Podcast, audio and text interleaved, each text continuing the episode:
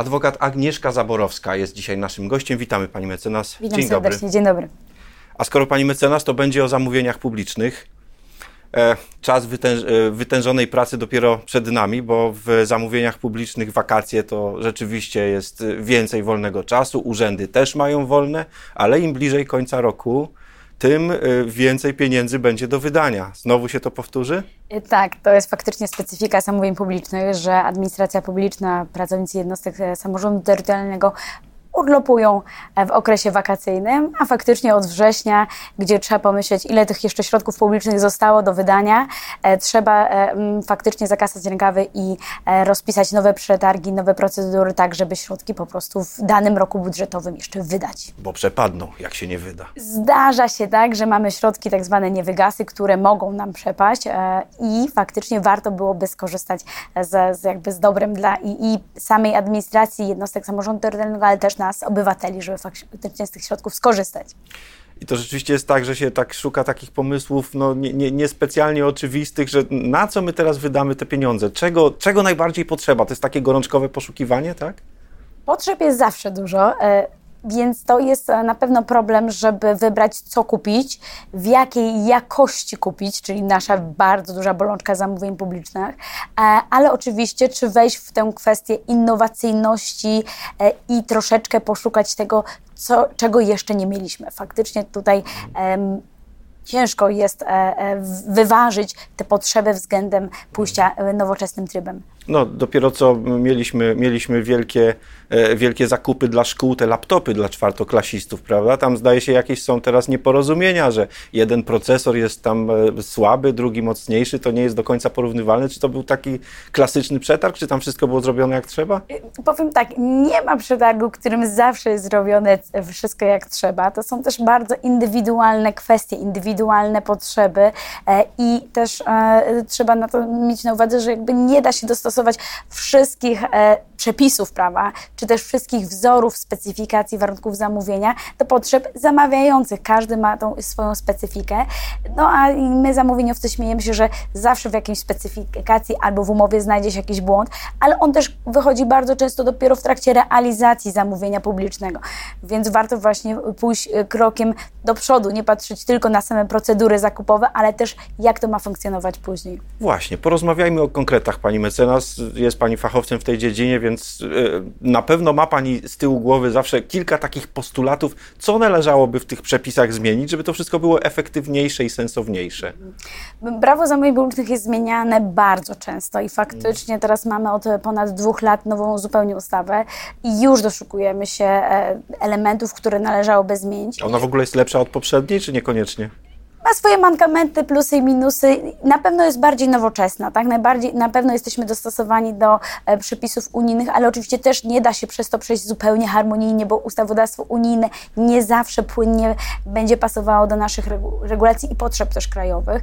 Mm, I powiem szczerze tak, ja te nowe ustawy mm, aż tak bardzo się mówiąc kolokwialnie nie czepiam. E, Trzeba e, w moim zdaniem pójść bardziej jednak cały czas w szkolenia administ pracowników administracji, prac e, szkolenia jednostek, pracowników jednostek samorządu terytorialnego, co robi Urząd Zamówień Publicznych, to też trzeba podkreślić, że oni tutaj wykonują ciężką pracę, żeby zmienić podejście osób, które wydatkują środki publiczne w zakresie w ogóle postrzegania finansów publicznych. E, to co mam na myśli? To są, um, zamówienie publiczne to jest partnerstwo dwóch stron, biznesu e, i mówiąc już tak e, w, w skrócie, finansów publicznych nie możemy kupować tylko tanio, tylko w słabej jakości. I wiele razy spotykam się z klientami, z, z wykonawcami, którzy mówią, wejdę w rynek zamówień publicznych, ale dopiero jak kryterium cena nie będzie jedynym kryterium. I to już od dawna się zmieniło w przepisach prawa. No właśnie, no właśnie ale nie zmieniło się w mentalności urzędniczej, czyli my zno, cały czas... Jest tu kłopot, tak? Jest tu kłopot, kupujemy w ramach najwyższej maksymalnie dozwolonego kryterium ceny, no i niby wybieramy pozorne kryteria jakościowe. Ale znowu one są bardzo podobne wszystkie, jak termin realizacji zamówienia publicznego, e, wydłużony okres gwarancji albo abstrakcyjne typu kary umowne, które wykonawca ma sam na siebie narzucić. Pomysłów jest wiele, ale one nie idą w jakość, więc faktycznie tym producentom, którzy produkują różne elementy, znaki drogowe, budynki, drogi, koleje, gdzie chcą użyć czegoś nowocześniejszego, e, jakiegoś lepszego, nowego materiału, który jest sprawdzony na przykład w innych krajach europejskich, on nie może sobie na to pozwolić, bo on przegra ceną. I to jest ta bolączka, która moim zdaniem cały czas nas dotyka. A jest jakiś sposób, żeby to sensownie zapisać w przepisach? No bo faktycznie rozumiem, do czego pani mecenas zmierza, ale czy, czy można jakąś promocję dla nowych technologii urządzić taką? Panie rektorze, mamy promocję dla nowych technologii. Mamy, y, ustawodawca wprowadził chociażby tryb partnerstwa innowacyjnego, żeby faktycznie wyjść naprzeciw nowym rozwiązaniom, żeby wykonawcy z sektora e, szeroko pojętej branży informatycznej byli zainteresowani tym rynkiem w jeszcze większych kategoriach niż tylko e, popularne przetargi informatyczne. E, I co się dzieje? Zamawiający z tego nie korzystają. Pracownicy no, nie są gotowi, przekonani do trybu, którego nie znają. Nie przeszkoleni, za trudne, tak? No nie chcę powiedzieć, że za trudne, bo, bo, bo to jest zawsze coś nowego. Dla każdego z nas e, jest to jakiś pewny mankament, żeby wprowadzić nowe rozwiązania, ale faktycznie tutaj być może z uwagi na przepisy dotyczące dyscypliny finansów publicznych, odpowiedzialności pracowniczej, pra, e, pracownicy administracji no nie korzystają z tych rozwiązań. Cały czas jednak ten tryb podstawowy, tryb przetargu nieograniczonego, e, rzadziej, ale też dosyć często wolna ręka, no nie wychodzimy poza te ramy. I, I oczywiście w przepisach zawsze znajdą się mankamenty, które można byłoby pro, po, zmienić, ale mi się wydaje, że jednak to szkolenie to jest coś, e, i zmiana podejścia to jest coś, co faktycznie powinniśmy wpajać, że tak powiem, wręcz administracji. Tak się przyjęło uważać, że urzędnicy no, są, żeby nie powiedzieć, że się boją, że są wystraszeni, ale mają zawsze z tyłu głowy, że jakiś urząd od dyscypliny finansów Właśnie. publicznych. Czy są takie przypadki rzeczywiście, które mogą autentycznie e, wpływać na wyobraźnię e, pracowników administracji rządowej czy samorządowej, że, że faktycznie stało się coś komuś, jakiemuś urzędnikowi w związku z tym, że, e, że jego, jego ten przetarg, który wymyślił, rozpisał, był no, zbyt innowacyjny, może zbyt nowatorski. To nie jest tak, że to są przepisy martwe i, i tylko się straszy, że mamy dyscyplinę finansów publicznych i nikt nigdy faktycznie nie jest w, w związku z tym pociągnięty do Choć jak czasem się spojrzy na ten budżet, to można tak, zadać tak, sobie kilka pytań. Ale jeżeli już to są e, przypadki naprawdę skrajnych naruszeń, y, które ocierają jednak od, od naruszenia prawa karnego y, dotyczące przypisania przetargu do konkretnego Jakieś wykonawcy. podejrzenie korupcji, tak? Zdecydowanie to są właśnie takie przypadki. Raczej y, nie ma takich sytuacji, w których y, pracownik z sektora finansów publicznych w dobrej wierze działający rozpisał zamówienie publiczne, no które właśnie. okazało się katastrofą, chociażby dlatego, że wykonawca e, był nierzetelny i nie zrealizował tego, no, co zdarza miał. się, jasne. Zdarza się bardzo częsta sytuacja. Czasem nie ma chętnych też wiadomo. Tak, czasem też w każdym razie ten pracownik nie, z dużą dozą prawdopodobieństwa nie zostanie pociągnięty do odpowiedzialności za taką sytuację. No nie możemy też odpowiadać za wszystko i też winić no, Skarbu Państwa czy, czy jednostek samorządu terytorialnego za, za po prostu wszystkie przewinienia, też nie nasze. Ale tak, oczywiście zdarzają się takie sytuacje, że wykonawcy, jak to się mówi potocznie, nie dowiozą tematu. Tak, jak, jak najbardziej. I to też jest kolejna bolączka naszych zamawiających, tak? Czy wypłacać im zaliczki, żeby, żeby z, dobrze zrealizowali, szybciej zrealizowali zamówienia publiczne, czy też nie? No, na pewno znane są wiele przypadków sytuacji, gdzie duże firmy budowlane z polskim kapitałem, e, z, z zakresu zamówień publicznych zaciągnęły duże zaliczki, no i ogłosiły upadłość, tak? To też jest taka bolączka, kolejna Są takie finansowa. Przypadki, tak? Tak, jak, jak najbardziej i ich wcale nie jest tak mało. Oczywiście to nie jest tak, że te pieniądze są wyprowadzone do jakichś egzotycznych e, krajów, e, w których e, podatki jakby żyją troszeczkę w mniejszym rygorze niż w, tutaj w naszym polskim ustawodawstwie, bo to są zazwyczaj pieniądze przeniesione po prostu na inne inwestycje, ale faktycznie e, ta główna e, realizacja nie, nie, nie są skończone i to jest nasza bolączka. Była kiedyś głośna historia budowania, budowania sądów w Częstochowie który, gdzie rzeczywiście wykonawca miał jakieś problemy już poważne, ponieważ tam zdaje się ceny rosły e, na rynku, no i, i właściwie udało się jakoś to rozwiązać? Panie redaktorze, znowu proszę zwrócić, wrócę Pan do pieniędzy. No jakby zamówienia publiczne i te kwestie pieniędzy na różnych etapach realizacji zamówienia zawsze do nas wracają. Tak, oczywiście znam ten przypadek. Mm, na szczęście sąd y, został już skończony. E, pracownicy mogą, mogą e, korzystać, ale w jakiej kondycji finansowej jest wykonawca? No niestety to, co go spotkało, co spotkało wielu pod, podobnych firm e, polskich, czyli COVID, konsekwencje COVID-u oraz konsekwencje wojny, no, spowodowały, że ceny materiałów budowlanych, czy ceny robocizny, przestoje, to wszystko tak spowolniło inwestycje e, i też zmniejszyło zysk, a czasem w ogóle spowodowało, że wykonawcy tego zysku nie mieli, że faktycznie ciężko było te inwestycje skończyć. Ale przetrwał ten wykonawca, tak? Jakimś no, no, cudem. Przyznam szczerze, że akurat ten wykonawca ma ciężko, e, bo z kolei e, z, z tego, co, co mi pamięć z artykułów prasowych nie myli, to niestety teraz ma bolączkę mm, rozliczeń Nowego Ładu, ponieważ mamy też tam kwestie zaliczek, e, których e, no, ciężko uzyskać. Tak? I jeżeli inwestor nie ma pieniędzy, wykonawca nie ma pieniędzy, nie ma jak sfinansować zamówienia, no to też ma, też ma problem.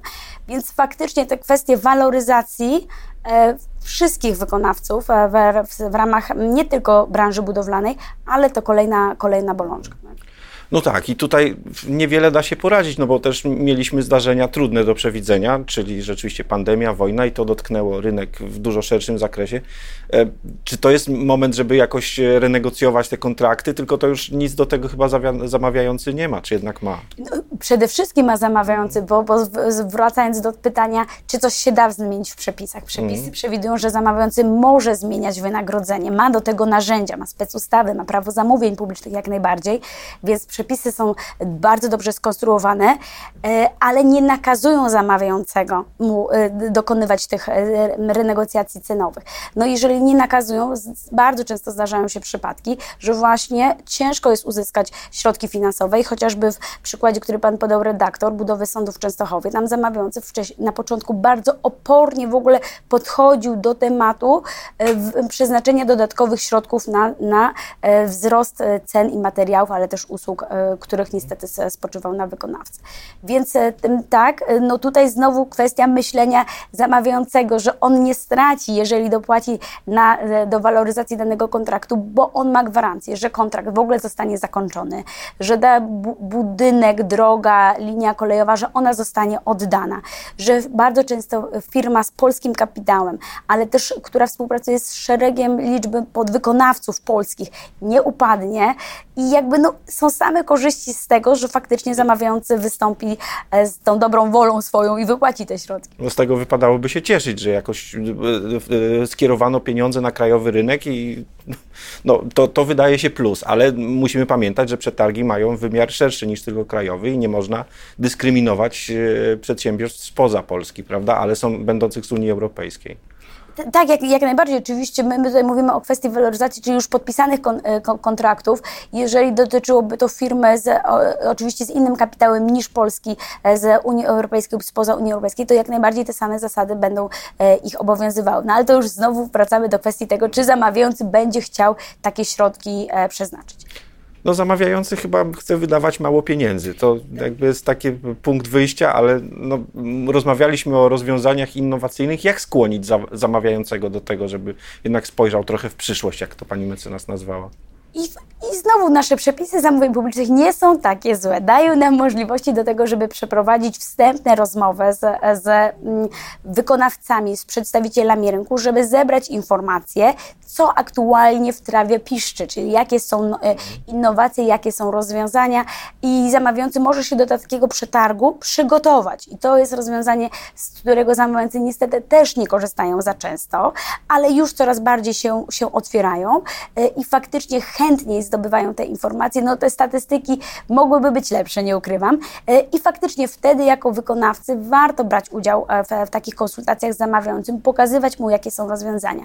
Jeżeli wykonawca obawia się, że jego know-how zostanie sprzedane, bo wiadomo, innowacja e, jest e, kosztowna i kto pierwszy, ten zawsze e, osiąga ten sukces finansowy, ekonomiczny zdecydowanie lepszy niż konkurencja, to też są do tego narzędzia, żeby to zabezpieczyć. Możemy uchronić chronić wykonawcę, żeby zamawiający nie przekazywał tych informacji technicznych, technologicznych dalej na rynek, nie porównywał z konkurencjami e, rozwiązań. Więc zachęcam do tego, żeby zamawiający właśnie e, ko korzystali z takich e, metod sprawdzania, co teraz jest na rynku. Ale tu zwracamy znowu do chęci.